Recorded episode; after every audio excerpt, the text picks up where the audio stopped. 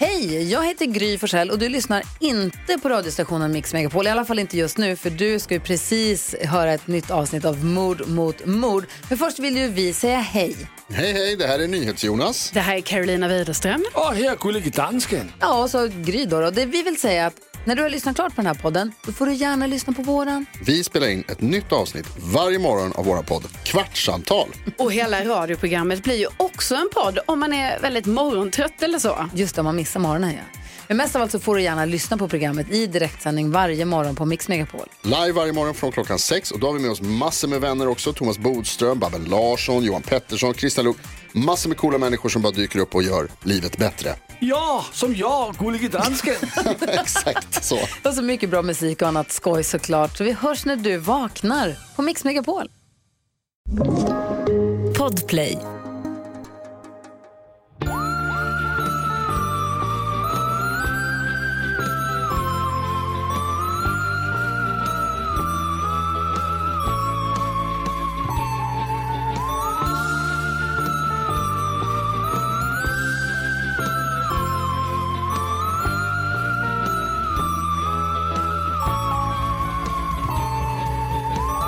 Gott nytt år!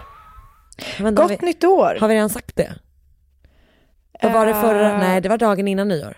Jag minns inte. Det var, jag tror att det var dagen innan nyår som vi släppte Det vårt förra. funkar väl att säga ett tag till. Gott nytt år, Gott god nytt- fortsättning. God fortsättning. Eh. Eh, Dock inte min värsta, gott slut. hatar du den? Mm. Berätta hur det får dig att känna. Som att vi är på väg mot Slutet. jordens undergång. The Ja. actual slut. Ja. Jag tänkte typ att du skulle vara så här, jag hatar när folk är typ så checka och vill säga det. Men det var inte det, utan det var att du var, Nej, nej. blev rädd jag bara för slut. såg, såg mörkret i det. Ja men bra, men då, det, jag tänker typ att det kan vara skönt för mig att veta. För det, brukar du säga det? Nej. Nej. Men däremot är jag väldigt, väldigt för att runt jul så här, säga god jul till någon som typ jobbar i en affär eller kanske man, Det tycker jag är jättetrevligt. alltså typ även kanske så om man åker på en buss, det gjorde man inte så mycket det här året. Absolut. Men, men, Nej, men alla man, kommer, alla man liksom råkas med då kan man ju få ett gott, gott god jul. ja, men det ger mig en sån god känsla. Mm, jag håller med. Jag förstår precis vad du Alltså menar. jag känner mig som ett personligt Christmas miracle. Sänkt ribba för. Verkligen, underbart ju. Eh, det här är Mord mot mord. Det är ju det. Eh, Som nu går in på sitt tredje levnadsår, typ kan man säga. Det är ju väldigt intressant. Alltså det är ju slutet av januari som vi har vårt treårsjubileum.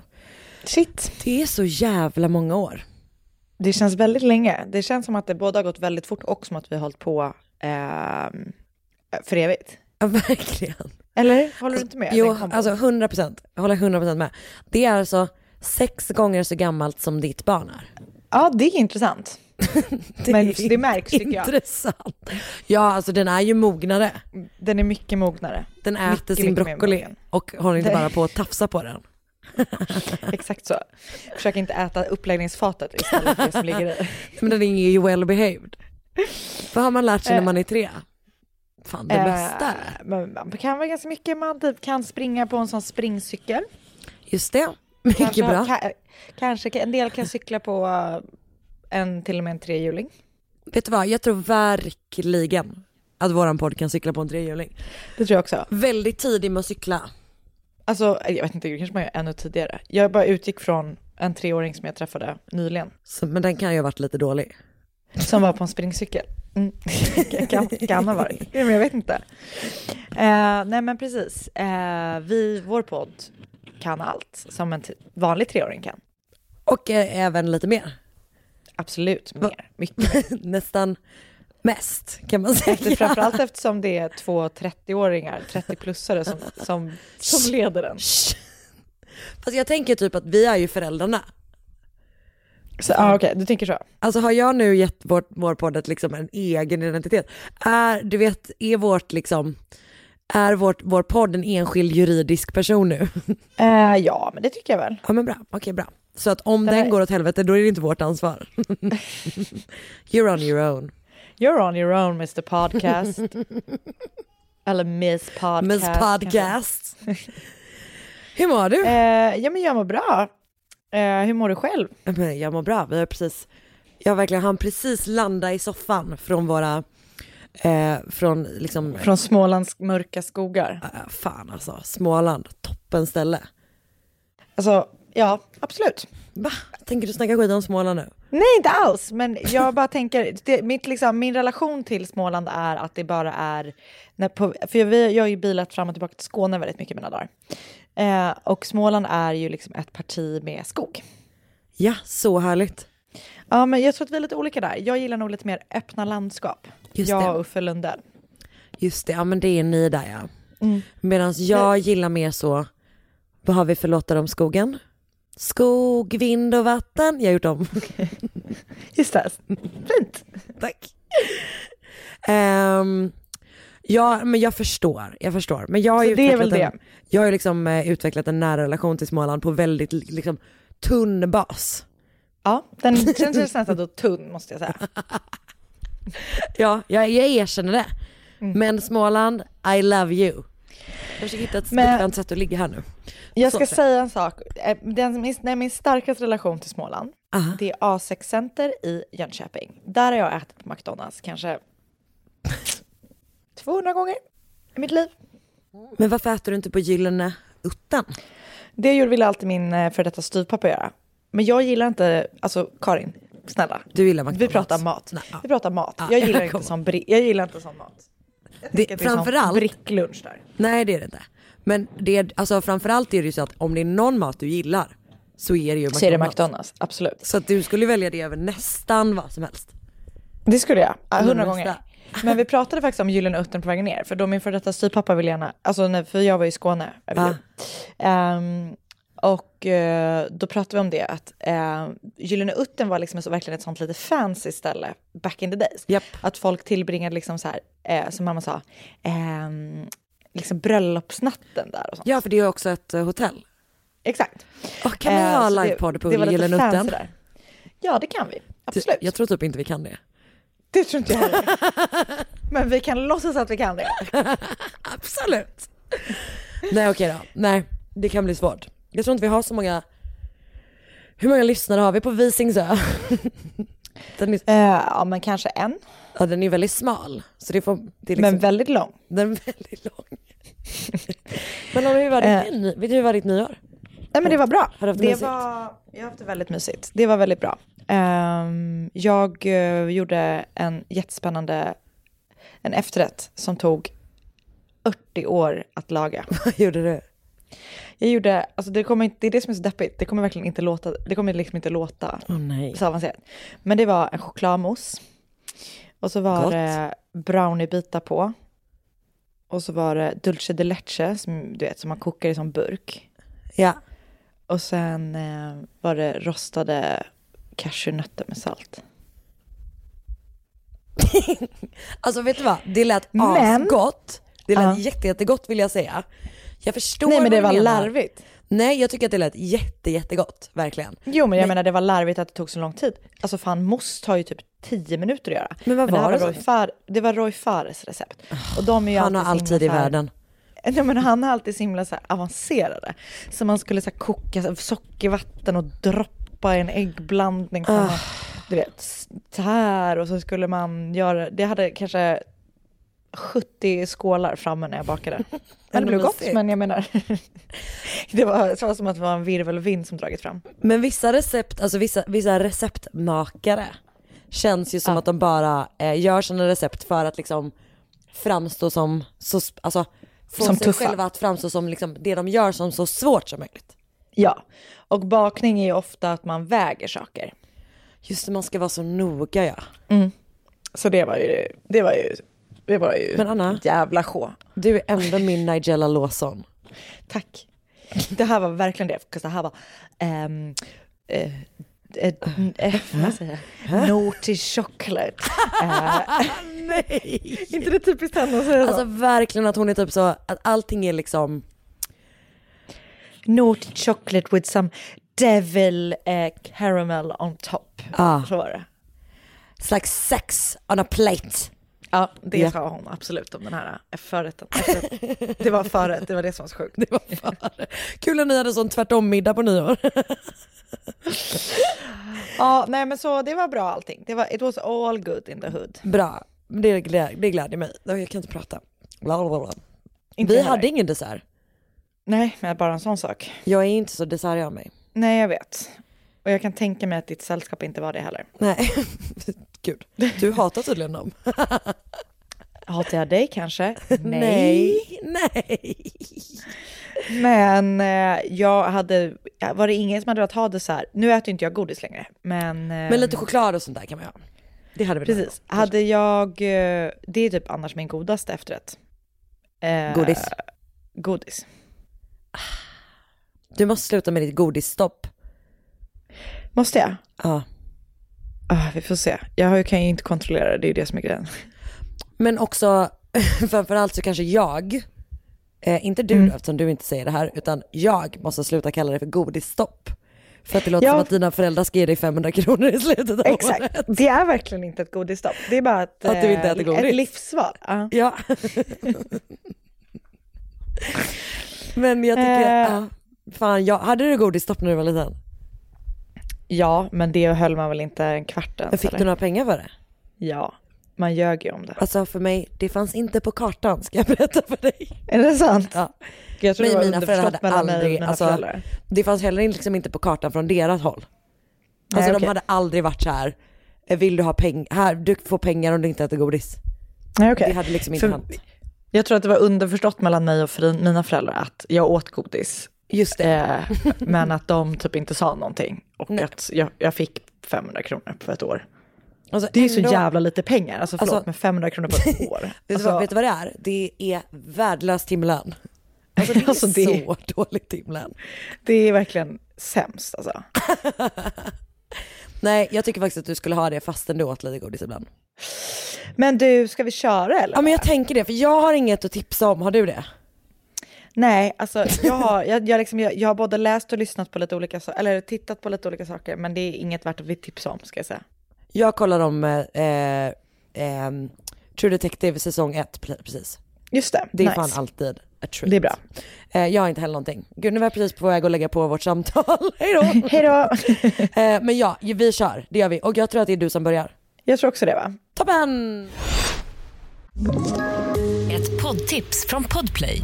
I fallen jag aldrig glömmer djupdyker Hasse Aro i arbetet bakom några av Sveriges mest uppseendeväckande brottsutredningar. Går vi in med hemlig telefonavlyssning och, och då upplever vi att vi får en total förändring av hans beteende. Vad är det som händer nu? Vem är det som läcker? Och så säger han att jag är kriminell, jag har varit kriminell i hela mitt liv men att mörda ett barn, där går min gräns. Nya säsongen av Fallen jag aldrig glömmer på Podplay.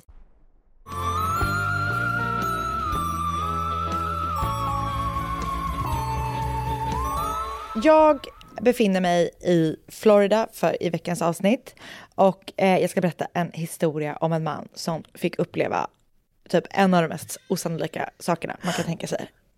Oh. Året är 2006 och vi befinner oss i Lakeland i Florida. Och huvudpersonen, eller en av huvudpersonerna, är Abraham Shakespeare, är 41 år gammal. Han är, beskrivs det som typ en helt vanlig kille.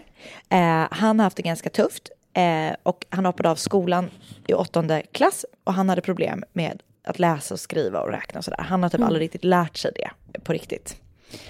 Eh, och han sysselsätter sig, som jag förstår det, med lite olika arbeten för att få det att gå ihop. Han arbetar bland annat som lastbilschaufför med en ehm, som alltså kör eh, varor typ. Eh, till, jag, jag skulle säga ICA, det finns ju inte i USA, men till motsvarande. Ehm, och så jobbar han typ eh, ja, med lite olika gigs skulle jag kunna säga. Eh, han hjälper också till med att städa och lite sådana, du vet, allt i allo grejer hos sin kompis Greg som äger en barbershop. Men en dag så är Abraham ute med hans kompis Michael Ford och de är på väg till Miami. De är alltså kompisar och kollegor. Så de stoppar vid typ en bensinmack eller någon sån kioskaktigt för de ska köpa cigg och typ en läsk. Så Michael ska gå in och handla åt dem och när han hoppar ur bilen så frågar han eh, Abraham vad han vill ha. Och då säger han, men jag vill bry mig inte om någon läsk utan jag vill gärna att du köper två lotter till mig. Så han ger eh, Michael sin sista 5 sedel för att köpa en lott. Och så hoppar han ur bilen. Några dagar senare när Abraham inte dyker upp på jobbet, alltså hos Greg då som har den här barbershopen, så ringer Greg till honom och frågar var han har tagit vägen. Abraham berättar då att han nödvändigtvis inte tänker komma in och jobba mera för Abraham har, han har liksom länge spelat på Lotto och han har äntligen vunnit storvinsten. Hur mycket har han vunnit? Han har vunnit 30 miljoner dollar. Åh jävlar. Ja, nej det är så mycket pengar, man kan typ inte fatta det ens. Nej, det kan man faktiskt inte. Eh, och när han ska plocka ur vinst, ut vinsten så får han välja om han vill ha ut allting på en gång eller om han vill få ut en miljon om året I 30 år. i 30 år. Så han väljer att plocka ut hela vinsten på en gång. Och Aj, efter aj. skatt blir det då 17 miljoner som han får ut. Alltså det är inte det här skattat och klart som det är på vissa svenska lotterier. Nej, han får... eh, Men ändå 17 miljoner dollar. det är så mycket pengar. Det är så sjukt mycket pengar. Ja det är absurt faktiskt. liksom, och gå från att ha typ, han tjänade du vet 8 dollar i timmen på sitt eh, lastbilsjobb. Eh, jobb. och ja, han hade liksom typ 5 dollar på sig. Alltså det var typ Ah. alla hans pengar. Och det köpte han en lott för. Och så fick han, ja, så jävla mycket pengar. Wow. Så när han då har fått ut sin vinst så köper han ett stort hus i ett gated community som heter Red Hawk som ligger i, ganska nära Lakeland. Eh, och det köper han för 1,1 miljon dollar, vilket enligt vissa tycks vara ganska mycket pengar för att vara i, alltså det är ju jättemycket pengar, men jag menar det finns ju nog jätte Ja. Men i Florida så verkar det vara ganska mycket pengar för det verkar vara typ ingen skatt och massa sådana skit där. Ja okay.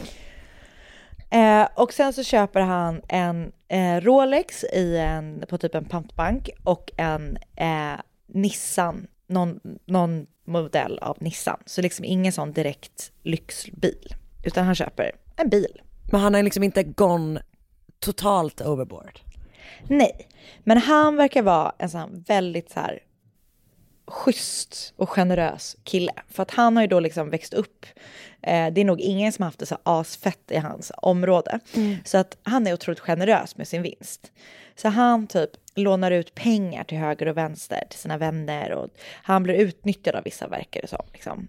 Men han vill, jag tror han har svårt att säga nej och det verkar, han kanske typ har dåligt samvete för att han typ har lyckats vet, vinna de här pengarna och andra har inte det och sådär.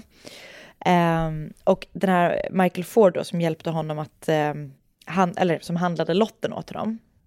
Han kommer tillbaka liksom typ ett halvår efter han har vunnit och sagt så här, jag vill ha en miljon dollar. Eh, för att jag var med typ, eller för att jag köpte den. Men Abraham säger bara så här, men nej jag kommer inte ge dig en miljon dollar för att du var med när jag vann min lott. Och då säger Michael typ så här, då ändrar han sin story till att bara så här, men du stal den av mig. Så du vet, de hamnar i rätten och du vet så här, det är massa sådana back and forth. Den här Greg som hade den barbershopen, han lånade 63 miljoner dollar. Det var någon snubbe som jag läste hade lånat upp till en miljon dollar. Du vet, han bara sprider, sprider pengar runt omkring sig. Så här. Du sa att han hade lånat 63 miljoner dollar. Det hade han inte. Det var 63 000. Ah, mm. ja men jag fattar, det är liksom, eh, det sprids pengar nu. Det sprids mycket pengar till Men höger och vänster. också, är det inte upplagt för att det ska bli kaos när man är så här, här ta mina pengar och köp en lott till mig. 100 procent. Alltså om det inte är familjen typ, don't do it. Men typ även om det är familjen. Okej, Ja. alltså så här, ja jag skulle låta Marcus köpa en triss till mig, det kan jag säga. Jag hade kanske inte låtit Oskar göra det. Jag vet inte, Men vi är inte gifta. Nej, alltså. Jag tror Marcus han har sån lurendrejar-look. Men han har ju looken men han har ju inte sättet. Han har inte, han har inte balsen för att lura mig. Han tycker om dig. Ja, och han är, väldigt, enkelt. han är väldigt mån om sin relation till Sigrid med. Okej då, kanske. Vi får se, jag ska tänka på saken. Okej bra. Mm. Eh, men han har då som de flesta andra ingen aning om hur man liksom hanterar så här mycket pengar. Och det faktum att han inte kan läsa eller skriva eller typ räkna hjälper ju liksom inte till. Så man, han vet inte om han ska investera, ska man lägga i den madrassen, ska allt in på ett konto, du vet, hej och hå. Plus att han har liksom typ inte så mycket pengar kvar. Eller vet, folk, folk lånar bara, han lånar ut pengar eh, till höger och vänster och betalar för folk och sådär. Men så knappt ett år efter att han har vunnit pengarna så hör en kvinna som heter Doris Moore, som kallas för D-Day av sig till Abraham. Didi har startat eh, ett framgångsrikt företag i Lakeland eh, som är typ så här, eh, sjuksköterskebemanningsföretag av något slag. Och hon säger att hon vill skriva en bok om eh, hur utnyttjad han har blivit. Typ. Alltså du vet så här, om hans liv och hans vinst och typ vad folk har, att folk har utnyttjat honom. Och du vet. Ja. Hon säger också att eftersom hon då är van vid att liksom driva företag och förvalta pengar så vill hon hjälpa honom att för, alltså förvalta hans förmögenhet. Aj då. Så hon börjar göra så här videointervjuer med honom i hans hem. Men det blir aldrig någon bok av det. Utan det är liksom bara, de håller på där. De blir, de blir liksom kompisar typ. Ehm, och hon har då, hon, hon då tar hand om hans pengar. Och hon råder honom att starta ett visst typ av företag som hon döper då till Abraham Shakespeare LLC, tror jag att det heter. Och det står för någonting som hon då säger till honom ska vara väldigt fördelaktigt. Och eh, på bara ett halvår så har Didi då lyckats skriva över hans hu hus på henne. Hon har också då fört över liksom pengar via det här företaget till hennes egna konto.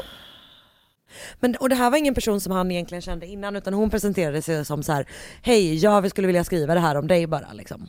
Exakt. Ah. Och han har ju lånat ut ganska mycket pengar då redan. Så Didi börjar också försöka driva in hans skulder hos andra människor. Hon säger att hon typ hjälper honom och, och när folk säger typ så här, men varför håller han sig undan? Eller varför liksom, var är han? Var är han själv?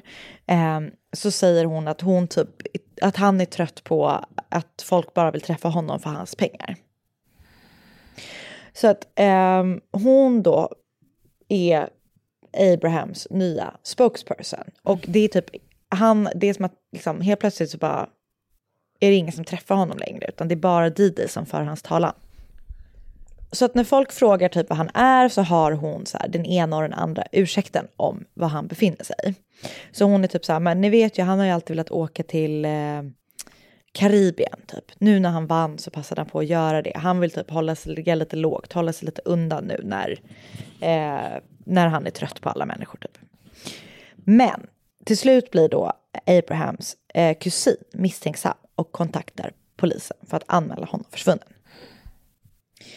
Och ehm, det, dels, ja, så han är försvunnen, folk börjar tycka att det är konstigt. Och sen är det på något sånt webbsleuth-forum som någon postar en artikel, för du vet det är någon som börjar så här, he won the lottery for 30 million dollars and now he's gone. Typ.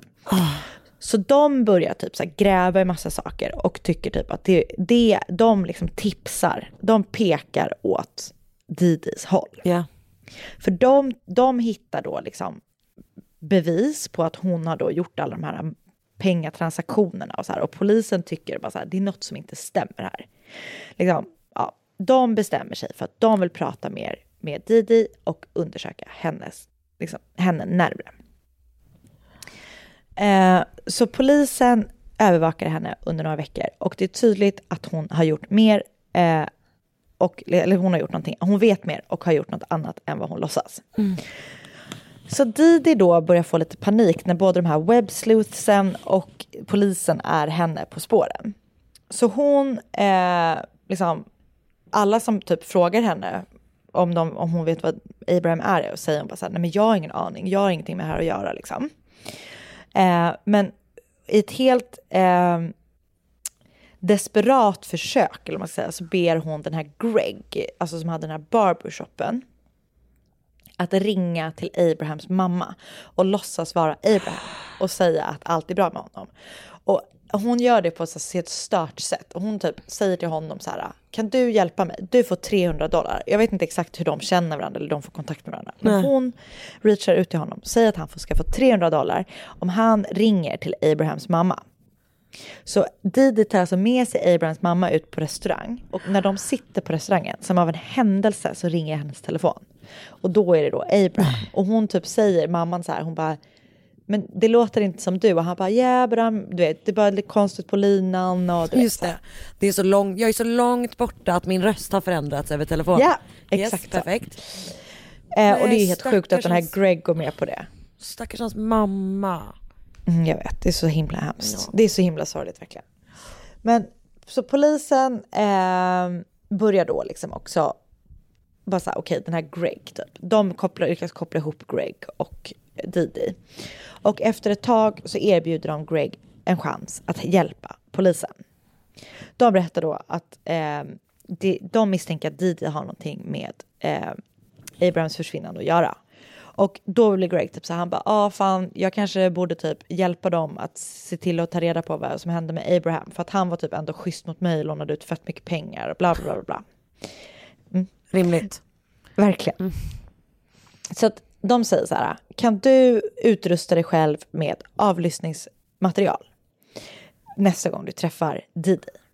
Och då säger han så här, ja, men jag vill inte göra det så här med en klassisk tejp på kroppen för att hon har förut typ trott, alltså med klassisk tejp menar jag, du vet så. Vad är klassisk tejp? så menar jag när man du vet har en sån mikrofon innanför skjortan typ. Ja, för hon har typ kollat innan. Ja, hon har liksom ja, du vet, misstänkt honom innan. Så han, han, han är tydligen lite missbrukare av Red Bull. Så han gör som en liten sån avlyssningsmackapär som han sätter i sin Red Bull-burk. Som han har med sig i bilen in nästa gång han träffar Didi. Oh, wow. Ja. Så när de väl träffas pushar Greg henne och hon säger typ först inte direkt någonting att hon har med försvinnandet att göra, men hon pratar om det, alltså hon säger massa konstiga grejer. Eh, och polisen ger sig inte, alltså de dyker upp titt som tätt hos Didi. Och typ Greg fortsätter att träffa henne för att pumpa henne på eh, info liksom. Så det tar ett tag. Men, eh, och pressen blir ju också, typ de, pressen blir tipsad om Didi också. Och hon pratar, alltså vet, hon är så här knäpp, för hon så här pratar så här vitt och brett om Abraham och hon iklär sig då rollen som en orolig vän typ. Ja. Men man vet inte om de hade någon liksom kärleks, alltså sexuell relation typ? Det verkar inte som det. Nej. Men så Didi börjar efter ett tag bli orolig för att hon tycker att det är för mycket ögon på henne. Liksom. Så vid något tillfälle så när hon pratar med Greg så börjar hon prata om en man som heter Ronald. Oj. Ronald är tydligen en knarklangare som hon säger sig vara helt säker på att det är han som har gjort någonting med Abraham. Men, och då så Greg och polisen och alla bara så här, okej hon försöker bara, hon har bara fabrikerat en person. Ja. Du vet, det är inte sant. Och mycket riktigt, så småningom så får Didi Greg att förstå att hon behöver någon som kan tänka sig att ta skulden för mordet på Abraham. Så hon typ säger inte att det är hon som har gjort det, men hon säger så här, ehm, vet du någon som typ redan ska få ett fängelsestraff eller som har fått ett fängelsestraff som kan tänka sig att så här, för pengar ta på sig skulden för mordet på Abraham? Just det, för Och då är- har ju pengar ja. Exakt. Och då så säger Greg så här, ja men absolut. Så han går direkt till polisen och säger att det här har hänt. Så då så tar de en undercover cop som heter Mike, tror jag han heter. Eh, som utger sig då för att vara någon som ska avtjäna ett långt straff. Så de säger, de kopplar ihop, Greg kopplar ihop, ihop Didi med den här eh, Mike som Ah. egentligen är polis men som Didi tror ska få fäng- fängelse. Så han säger typ så här, okej, jag kan tänka mig göra det för eh, 50 000. Men jag måste veta liksom mer, jag måste ha mer intel om det här. Så typ, du måste berätta var hans kropp finns och ehm, eh, ja, typ pistolen. Typ. Jag behöver du vet, ha tillgång till pistolen som har mördat honom, eller det vapen som har bevar- mördat honom. Eh, så då är typ Greg så här, han bara, men det kanske inte var du som eh, gjorde det eh, och du kanske inte vet var vapnet finns, men du kanske kan säga till den som har vapnet att den behöver ge det till dig, du vet. De kör en sån här jättelång harang och så Ja. typ så här. Ja. Sagt och gjort. Didi dyker några dagar ef- efter de här mötet upp med en pistol som hon säger så här, det är mördarens pistol. Hon berättar också var Abraham är begravd. Han ligger begravd på tomten till eh, Didis pojkväns hus. Okej, perfekt. Och samma dag så att, som de får reda på det här så bestämmer sig polisen för att gå in och plocka Didi. Så polisen hittar då som sagt bevis på att det är Didi som har köpt den här pistolen. Hon har också köpt, hon har köpt liksom massa komprot, komprotumerande Kompre- Som- komproterad, vad heter det? sånt material, bland annat då den här pistolen. Hon har då också eh, alltså bett sin pojkvän eh, gräva en grop på tomten. Och för att hon har sagt att hon behöver lägga skräp i en grop. Sen har hon bett pojkvännen komma tillbaka, fylla igen gropen och sen bett honom lägga betong på. Som att han, ja, så jävla konstigt att han går med på det. Men polisen gräver i alla fall upp Abrahams kropp nio månader efter att han försvunnit och Didi grips. Eh, polisen tror då att Didi och Abraham har blivit oense om någonting. Kanske det faktum att han, hon typ har förskingrat alla hans pengar. Och hon har då skjutit honom två gånger i överkroppen och sen begravt honom i en grav på hennes pojkväns tomt. Åh jävlar. Den här eh, pojkvännen säger då att han inte vet vad han grävde upp hål för och vad han liksom täckte över. Och eh, den här betongen ska Didi då ha hävdat behövdes för att hon ville ha liksom som en parkering för sin båtplats. Okej. Hon fortsätter att förneka att hon har något med mordet på Abraham att göra och fortsätter med alla konstiga lögner om typ den här Ronald och du vet massa saker så här, som inte stämmer. Och vid ett tillfälle till, anklagar hon till och med sin son som då är 14 år gammal. Perfekt. När rättegången inleds så ställer Didi till med jättemånga scener. Hon typ bryter, ja, hon och Erik var helt galen. De måste så här avbryta rättegången massa gånger. Du vet, hon typ bryter ihop, gråter, får panik och du vet. Domaren går till och med in och är bara så här, nu skärper du till dig, unga fröken. Eller vad han säger. Så on-brand domare ändå säga. Eller hur? Ja. Men hon döms mot sitt nekande för mord till livstid i fängelse utan chans till frigivning. Och när domaren läste upp domen sa han after, after the trial and listening to all of this over two weeks words that were said cool, calculated, manipulated. Abraham Shakespeare was your prey and victim. Money was the root of evil you brought uh, to Abraham. You are sentenced to life in prison and shall not be eligible for parole. Baba! Baba. Så, Så hon döms eh, alltså, hon kan aldrig, eller inte åtminstone i nuläget liksom få, få villkorlig dom eller så? Nej. Och hon sitter inne nu då och fortsätter att förneka. Det finns intervjuer med henne när hon bara förnekar och gråter och det är så sjukt störigt att titta på. Och du vet, ehm, hon säger att, alltså vet, hon, hon har så mycket konstiga ursäkter kring allting. Ja. Men liksom summan av kardemumman är att hon fortsätter att förneka absolut allt.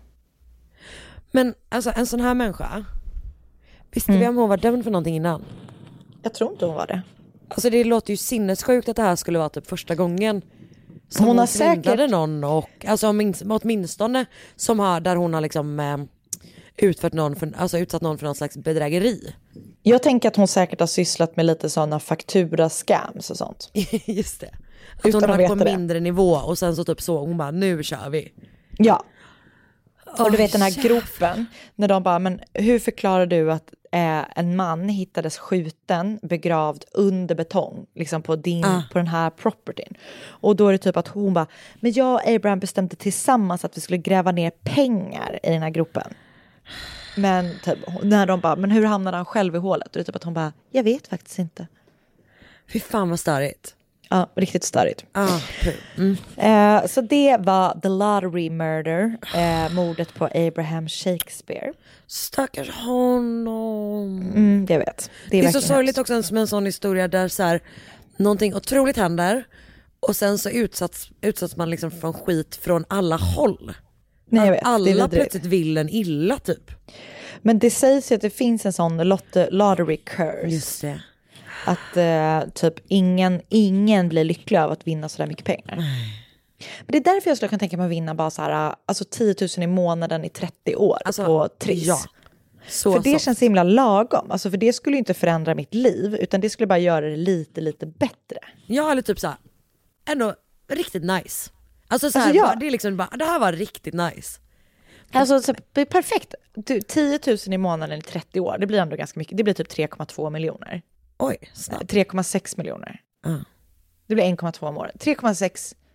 Nej, vänta nu. eh, 10 000 gånger 12 är 120 000 gånger... Ja, men det blir typ 3,2 miljoner. 3,6 miljoner. Skitsamma. Det är typ inte, det är mycket pengar. Det är verkligen mycket pengar. Men det är inte sådär så att det skulle vara typ att man bara, Alltså, du- nu går jag och köper den dyraste bilen som finns och jag ska köpa hus till min mamma och min pappa och typ min Nej granne. och det är framförallt inte typ så att alla dina vänner kommer bara så här: nu jävlar ska vi snylta på Anna. Nej, fast ni hade kanske velat bjuda på typ en härlig middag eller något. Ja men det vill vi ändå. Även nu. Okej då. Så det Ehm, var sorgligt tycker jag. väldigt det var sorgligt. jättesorgligt. Det är väldigt hemskt. Men jag har i alla fall kollat på Crime Watch Daily, ett avsnitt som heter Abraham Shakespeare, Florida man swindled and killed over lottery win. Jag har läst Wikipedia såklart och Murderpedia, eh, en artikel på thesun.com som heter Who is Doris D.D. Moore, woman who befriended and murdered 30 million dollar lottery winner Abraham Shakespeare, skriven av Emily Flynn.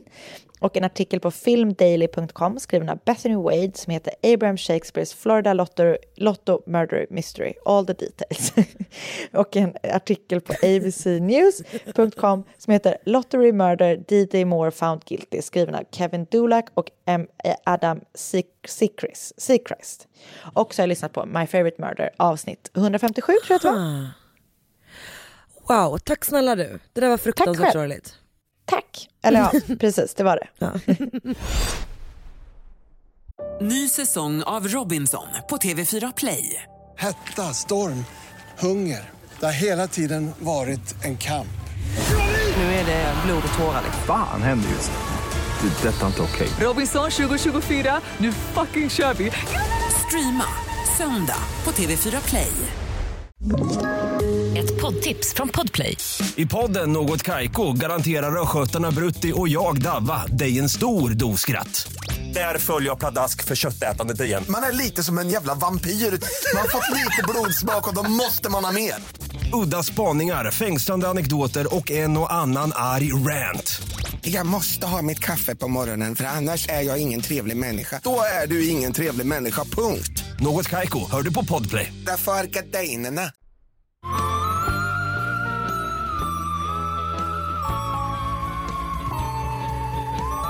Vi befinner oss i San Fernando, San Fernando i Tamaulipas i Mexiko.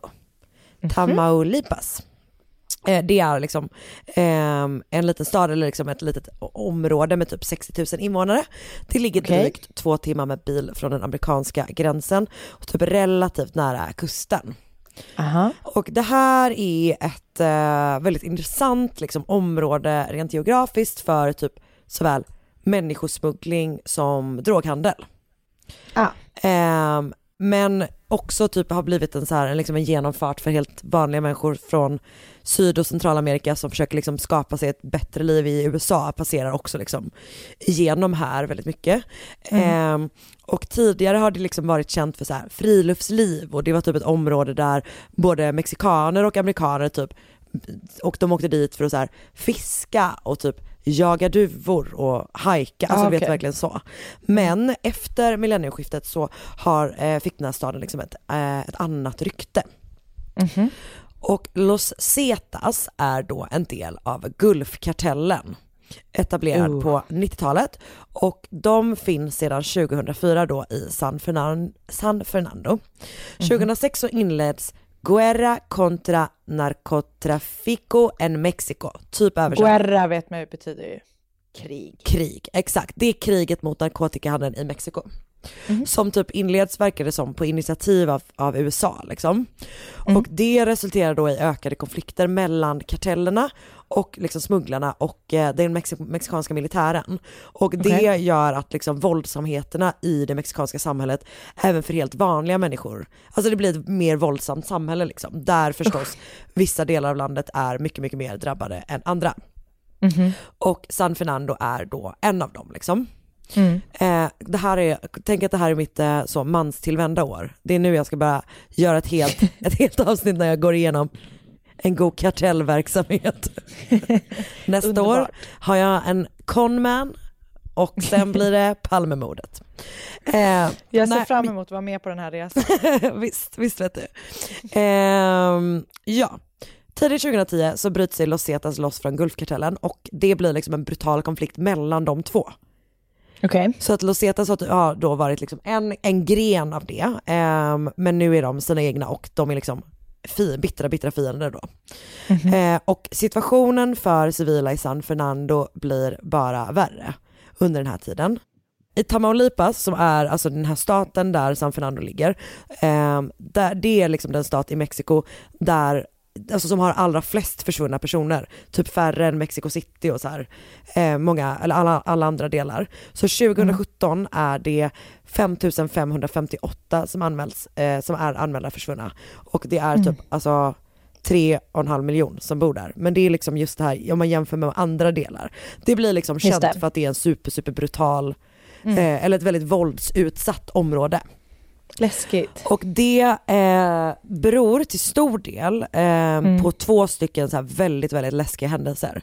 Det ena är, den ena händer 2010 eh, när Los Zetas-kartellen då den 24 augusti mördar 72 flyktingar från Syd och Centralamerika i en av de Oj. värsta massakerna i Mexikos his- historia. Fram tills dess så är det liksom så här den värsta typ eh, massaken som man har upptäckt, liksom, i- värsta enskilda händelsen liksom. Mhm. Och där är bland annat en man från Ecuador som blir skjuten i ansiktet men precis som liksom alla andra, de blir liksom verkligen avrättade. Men Mm. han spelar död tills liksom kartellen har jäklar. lämnat den här, om det här området och typ tar sig till en så militär checkpoint och kan liksom berätta vad som har hänt. Jäklar. Och det som är så jävla jävla läskigt är att så här, de här, eller allt med det här är jätte, jätteläskigt, men de här personerna har liksom bara, de har typ åkt vanliga passagerarbussar när kartellen har liksom kapat bussarna, gått på och typ tagit med sig dem därifrån liksom. Och eh, sen samlat dem på en gård och där har man antingen krävt dem, det är lite oklart liksom, vad motivet har varit, men man har antingen krävt dem på lösensummor för deras egen frihet, men det här är inte, de har ju inte pengar liksom. Eh, eller så har man krävt att de ska jobba för kartellen typ. Men när folk liksom inte, ja sen har man dödat dem helt enkelt. Och de griper den man som så här, har pekats ut som ledare för massakern, han heter Edgar Huerta Monti. Och han säger, han bara, det finns, det, ni kommer hitta fler gravar typ. Ja jäklar. I mars 2011 så kapas flera passagerarbussar i San Fernando-området och Las Zetas här går in i en super, super intensiv period när de kidnappar passagerare, alltså hela tiden liksom. Jag tycker det är så läskigt när så här liksom yrkeskriminella eh, blandar in civila i det. Jag vet, och det är hela den här historien som är, alltså det jag berättar nu är liksom bakgrund till historien Ja, som, som, var, som också är, men hela historien är exakt det. Alltså vad som händer när de här kartellerna eh, använder sig av civila offer liksom. Ja, usch. Ehm, nej men så då under de här, det är liksom några, en vecka typ när de går typ attackerar passagerarbuss efter liksom buss typ. Eh, Alltså det är- och så, ja. ja. det är så jävla jävla läskigt. Mm. Och de tar då med sig passagerare till en, en ranch som heter La, La, La, La Joya. Och eh, liksom gör hemska hemska saker. Man, de liksom torterar dem, de våldtar kvinnorna, de tvingar alltså männen att slåss mot varandra till döden, alltså det är som gladiatorspel liksom. Och när polisen väl upptäcker det här så hittar man och liksom så börjar gräva ut det här området så hittar man 193 dödsoffer. Och det sägs att typ så här, under den här tiden så fick liksom, om man hittade en massgrav med under 20 personer så blev det liksom knappt rubriker i typ lokaltidningarna. Alltså så gud, fruktansvärt mycket våld liksom. Det är så vidrigt. Och de, eh, den här gruppen finansieras ju också då genom just att så här, kidnappa boende i San Fernando och kräva, Mm. dem på, och kräva deras familjer på lösensummor liksom. Det blir Mm. så här, allt, bara allt värre och militären skickar typ dit trupper som jobbar tillsammans med polisen eh, men det blir liksom, det är kaos. Och jag tror också typ att det finns ju också jävligt mycket korruption och du vet liksom Mm, såklart. Ehm, det verkar som att, som att liksom ganska många invånare i det här området åtminstone ser sig själva som så här, man är ganska ensam liksom. Man Ja. är väldigt utsatt och ganska ensam och må- väldigt många flyr. Alltså folk, folk lämnar typ sina hem och flyttar till andra delar av Mexiko för att det blir så farligt där. Gud vad läskigt. Alltså förstår du? Nej alltså, det Alltså, går inte. ah. Och du vet de har liksom, de, de ehm, myndigheterna så instiftar ehm, att man inte får vara ute efter vissa tider och, och det är liksom konstant eh, terror. Liksom. Och mm, det liksom sägs att så här, typ de flesta familjer i San Fernando har liksom, har liksom förlorat någon familjemedlem till kartellen typ. Mm. Men det, de är också så väletablerade i samhället att typ de flesta också känner någon som typ är jobbar för eller är Mm. med i kartellen också. Men någon som är liksom så born and, and bred i San Fernando är Miriam Elisabeth Rodriguez Martinez. Hon är Mhm. född 1960. Hon har en man, jag vet faktiskt inte vad han heter. eh, men de får tre barn tillsammans. Eh, Louise, Azalea och Karen. Och Miriam driver en liten affär med cowboykläder och access- accessoarer. Underbart. Eller hur? Den Där heter, vill man handla. Ja, man vill verkligen det. Den heter Rodeo Boots. Cool. Eh, och hon jobbar också på, liksom i USA med att typ så här ta hand om barn. Så att ibland så är hon i, i Texas då på andra sidan gränsen och liksom passar barn och sådär. Och eh, i samband med, då med liksom Los Zetas typ framfart så flyttar Louise från stan, alltså hennes son. Ehm, men Azalea och Karen bor kvar och eh, 2014 har Miriam separerat från sin man eh, men livet verkar liksom rulla på ganska så bra typ. Alltså det är ju en extrem situation men det är ju det som är så märkligt tänker jag att även Alltså den här typen av fruktansvärda situationer blir en märklig jävla vardag liksom. Ja, så jäkla stört. Eh, vilket ju är någonting som man som typ så privilegierad som vi är typ inte kan förstå. Alltså att man liksom är så att det här konstanta skräcken bara blir en del av hur man typ måste leva sitt liv. Nej, liksom. exakt. Det blir ju väl det norm- nya normala. Ja Alltså, exakt, och då, precis ja. Ehm, Karen bor, eh, hon håller på att typ slu- avsluta sin så här skolgång men hon hjälper också sin mamma med Rodeo Boots. Mhm. Och den 23 januari 2014 så är Miriam i Texas och då eh, jobbar med att ta hand om barn. Mm, och när hon är det så är Karen då ansvarig för butiken och bor också eh, hemma hos sin mamma. Jag är lite osäker på om hon gör det vanligtvis men hon gör det i alla fall den här veckan för att hon typ tar hand om, eh, om butiken liksom, och huset. Mm. Och hon är då ute och kör. Jag tror att, jag vet inte om hon är på väg till aff- affären eller på väg tillbaka från den. Men hur som helst, hon, hon kommer till en korsning men när hon liksom ska eh, köra ut i trafiken så blir hon istället prejad från två håll liksom. Och fy, så hon blir liksom inspärrad. Mm, exakt, och, och måste stanna liksom. Och Fy, vad i läskigt. bilarna sitter då flera män med vapen som eh, där man typ, vissa av dem går ut ur bilarna och kapar hennes bil och kör tillbaka till huset där hon bor då med sin mamma eh, med henne kvar i bilen. Men det var som att de hade liksom, det var verkligen henne de skulle ha. Ja. Alltså det, så är det verkligen, alltså de typ kartlägger sina offer liksom. Okej. Eh, så de vet vart hon bor. Liksom. Så de kör då tillbaka med de här två bilarna och i hennes bil eh, tillbaka till deras hus och tar in henne i huset. Där binder de hennes armar och ben och sätter Nej. munkavel på henne och liksom lägger henne på vardagsrumsgolvet. Mm. Men då hörs en knackning på dörren. Det är alltså Karens morbrors bilmekaniker. Nej. Han är där för att han ska jobba på typ familjebilen. Och Okej. kidnapparna får ju typ panik för att det är plötsligt en till person som de absolut inte hade tänkt att ta. Så att de bara, okej vi får ju kidnappa honom med. Men nej. Så de tar med sig mekanikern också och, eh, och Karen och kör iväg med dem. Eh, de kommer då, alltså det här är väl också typ ett tecken på, precis som du var inne på, att det är just henne de vill ha och ingen Ja. annan. För att de släpper den här mekanikern. Aha. Men Karen kommer då aldrig få komma hem igen. Så snart blir då Miriam och hennes man eh, så kontaktade med lösenkrav och du vet, eh, de första veckorna har de väldigt så här, tät kontakt med kidnapparna. De så här, eh, kidnapparna hotar dem, kräver olika saker men kommer också så här med, med massa löften liksom. Så det känns Mhm. som att de använder sig av lite olika metoder och de har också kontakt med flera olika personer liksom. Ja. De säger så här, de bara, men Karen kommer få komma hem bara ni, bara ni betalar lösensumman.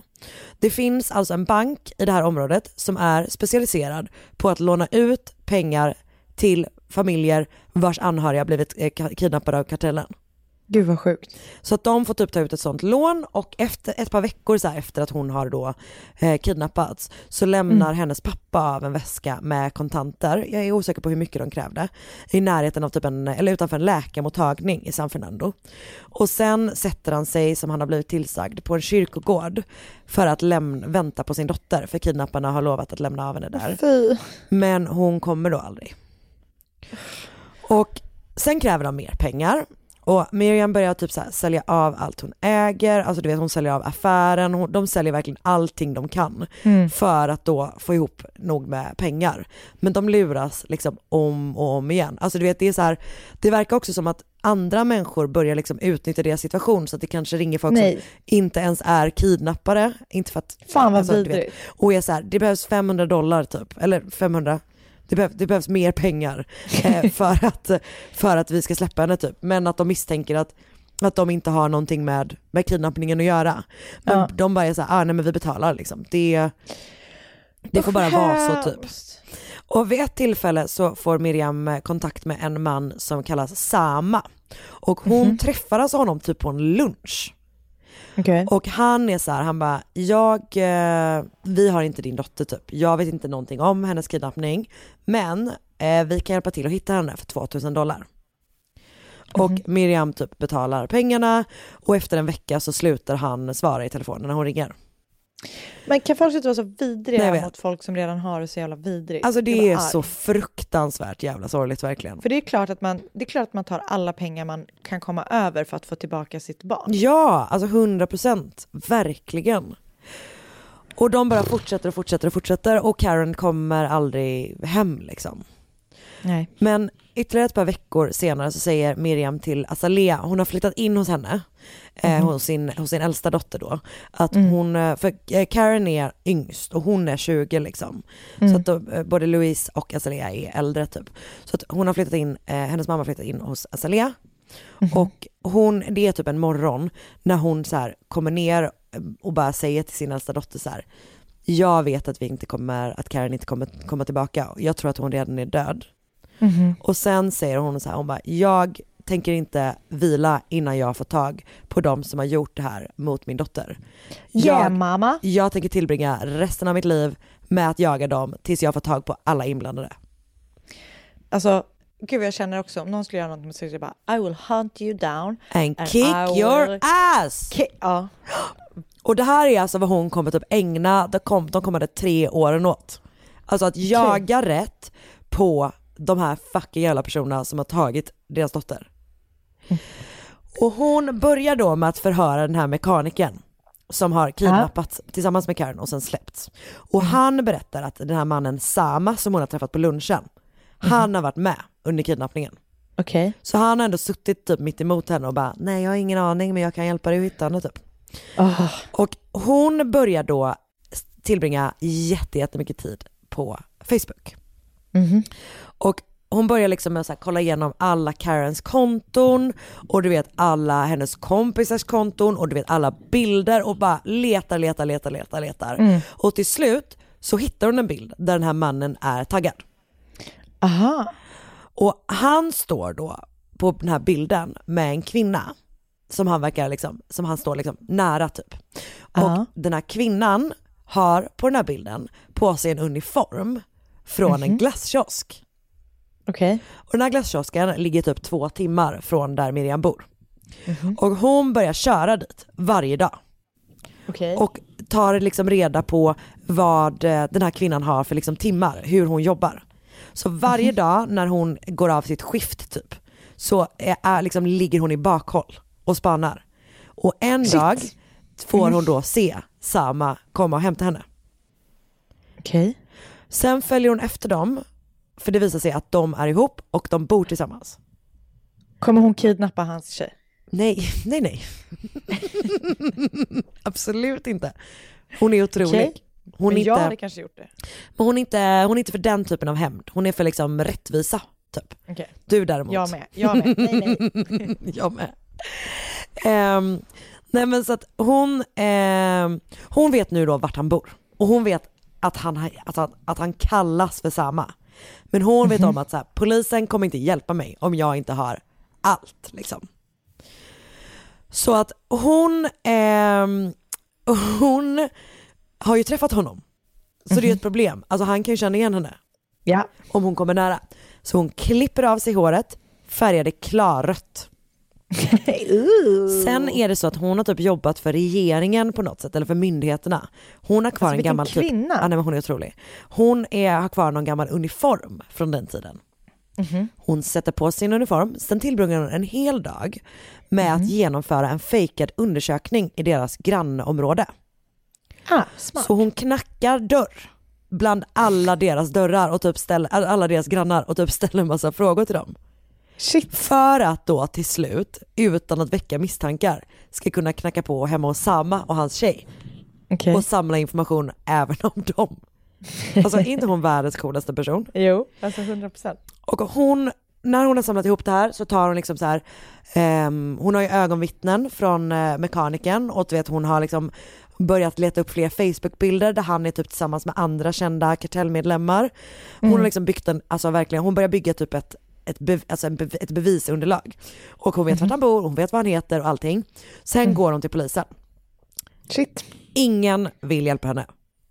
Är det sant? Alltså hon försöker med typ den lokala polisen, du vet eh, den regionala polisen, den nationella Mm. polisen. Alltså hon knackar på dörr efter dörr efter dörr och alla bara smäller igen dörren i ansiktet på henne. Men gud. Och jag tänker att som sagt det är säkert delvis en aspekt att typ de är nog också rädda för kartellen.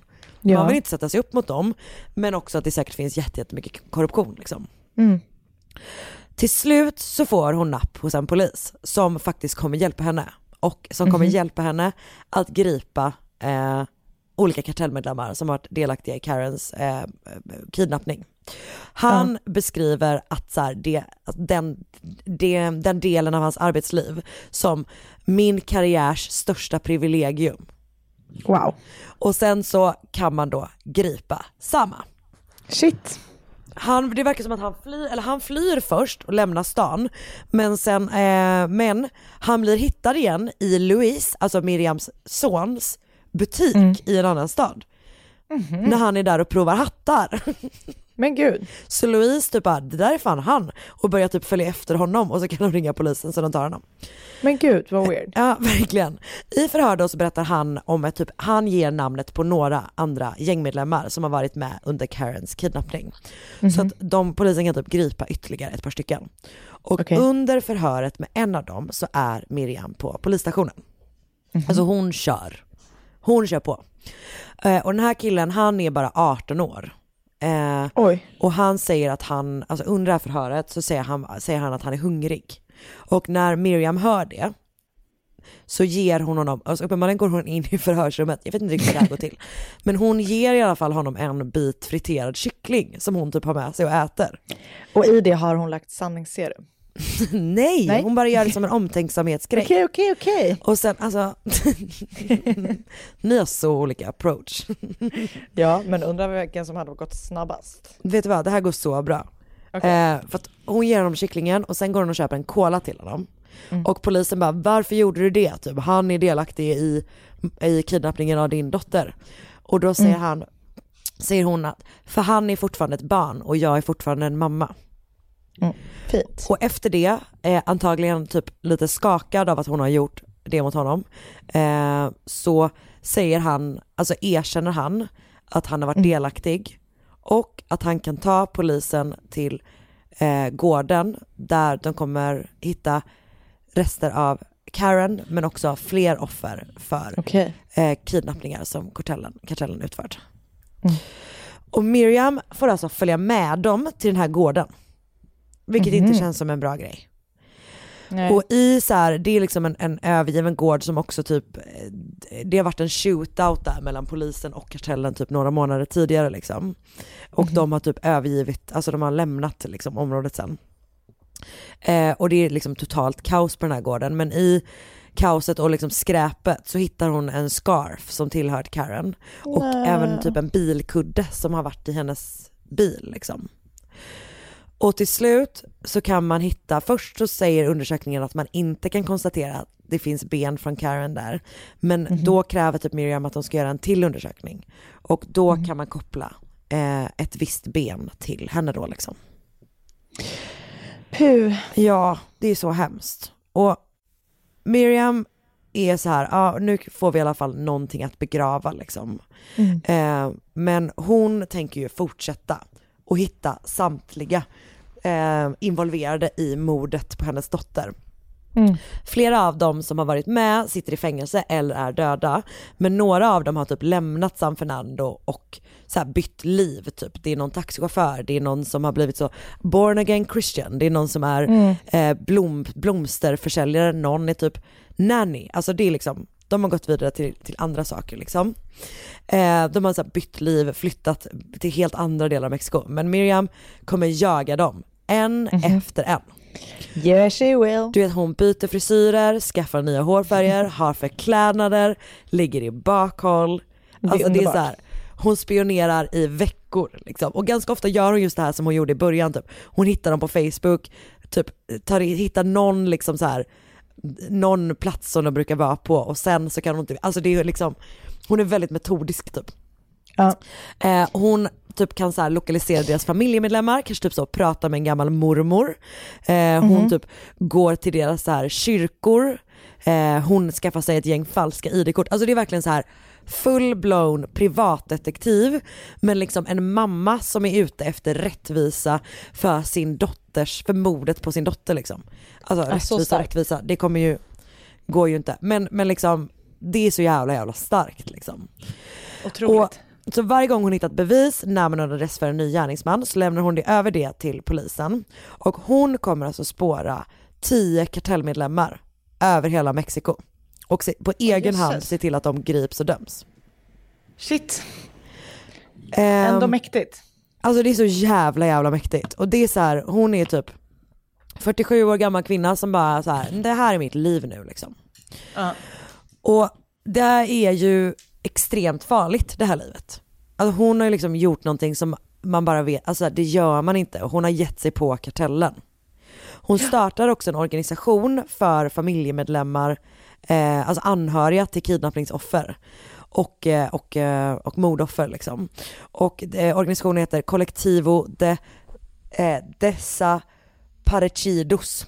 Eh, och hon blir liksom aktivist för de här anhöriga, anhöriga liksom. Hon talar offentligt om att så här, myndigheterna måste göra mer och inte ignorera de här fallen. Och hon är verkligen med och förändrar San Fernando typ. Fan vad coolt. och när hon så här blir ifrågasatt eller när hennes vänner är så här, men du, har du verkligen tänkt igenom vad du gör liksom? Eh, Mm. När du typ du startar typ krig med kartellen. Eh, Så säger hon, jag bryr mig inte om de dödar mig, jag dog dagen de dödade min dotter. Nej. 2017 bor Miriam med sin man tillsammans i deras gamla hus San Fernando. Så de har eh, flyttat ihop igen. Okej. Och hon nås då i mars eh, 2017 av illavarslande nyheter. Två dussin fångar har flytt från fängelset Åh, i. Ciudad Victoria. Där sitter alltså samtliga som har dömts på grund av hennes arbete eh, för mordet och alltså som är, Åh, är, har liksom begått eller varit delaktiga i mordet på Karen. Och hon tar då kontakt med polisen och liksom med, med myndigheterna och ber om att få beskydd för att hon är så här, ja uppenbarligen kommer de ju vara arga Ja. på mig typ. Ja. Eh, men de säger, de bara, nej tyvärr vi kommer inte ge dig så några beväpnade vakter men vi kan typ skicka patruller utanför ditt hus ibland. Men gud. Den 10 maj eh, 2017 vid 20 över 10 på kvällen så är Miriam på väg hem efter ännu ett spaningsuppdrag. Och hon, är, eh, hon har liksom parkerat sin bil utanför sitt hus och är på väg, eh, på väg liksom till dörren. Hon har eh, bara en månad tidigare brutit foten när hon har typ jagat en, en misstänkt. Liksom. Eh, så att hon liksom går lite sakta fram mot sin dörr Ja. när en vit Nissan stannar bakom henne och i bilen sitter då flera män. Åtminstone två av dem har rymt från det här fängelset i Victoria Ciudad. Och de skjuter Miriam med 13 rundor. Jävlar. Och hon dör på vägen till sjukhuset. Och Miriam Elisabeth Rodriguez Martinez blir då 50 år gammal. Fy fan vad sorgligt. Tre personer misstänks för mordet på Miriam och man kan liksom snart gripa dem då. Eh, två av dem kommer dömas för sin delaktighet. Det är Alfredo Misael som äger bilen och han döms till 10 år och eh, Erik Leonell, han döms till 15 år. Eh, Hennes anhöriga är förstås super, super arga liksom Mm. av mm, ehm, över hur korta straffen är liksom. Mm. Den sista som misstänks heter Juan Manuel Alvarado och han dödas av polisen i samband med gripandet. Det finns fler misstänkta för att de här är ju då misstänkta för att ha utfört mordet. Men man tror inte att det är de som beställde det, utan man tror Nej. att de typ fick i uppdrag att så här, av folk som är kvar i fängelset i Victoria Ciudad, att eh, ta sig ur fängelset och sen, alltså det var liksom, deras uppdrag var att mörda Miriam. Okej. Och Miriams Fy. son har då eh, har försökt eh, hålla ihop den här organisationen som har liksom, han blir så himla viktig och gjorde så mycket gott i San Fernando men det har liksom varit väldigt svårt utan hans mamma typ. Den är ju extremt förknippad med Mm. henne, hon var så himla Mm. stark och tydlig röst liksom. Och hon kan då begravas tillsammans med de liksom benrester man har fått hem från Karen. Och på torget i San Fernando så placerar man en, en minnesplakett för, eh, för henne liksom.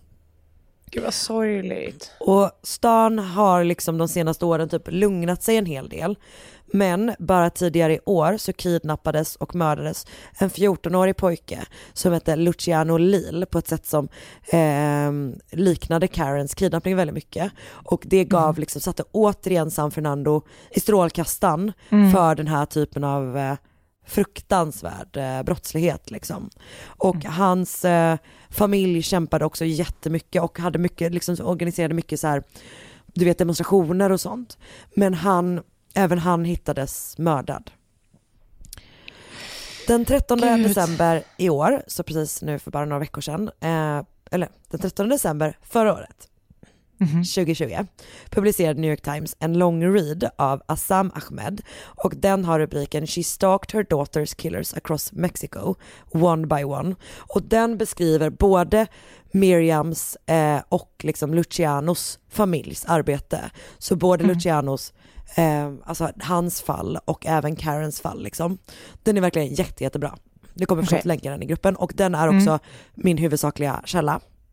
Mm. Men jag har också läst en artikel på Adonde van los eh, Desparache- Desaparecidos som väl är organisationen som hon startade och en på Animal Politico, båda skrivna av Carlos Manuel eh, Juarez. Sen har jag läst den på wearemito.com eh, som är skriven av Crystal Mesa, en från insider.com av Naina Bardwai samt ett gäng olika Wikipedia-artiklar.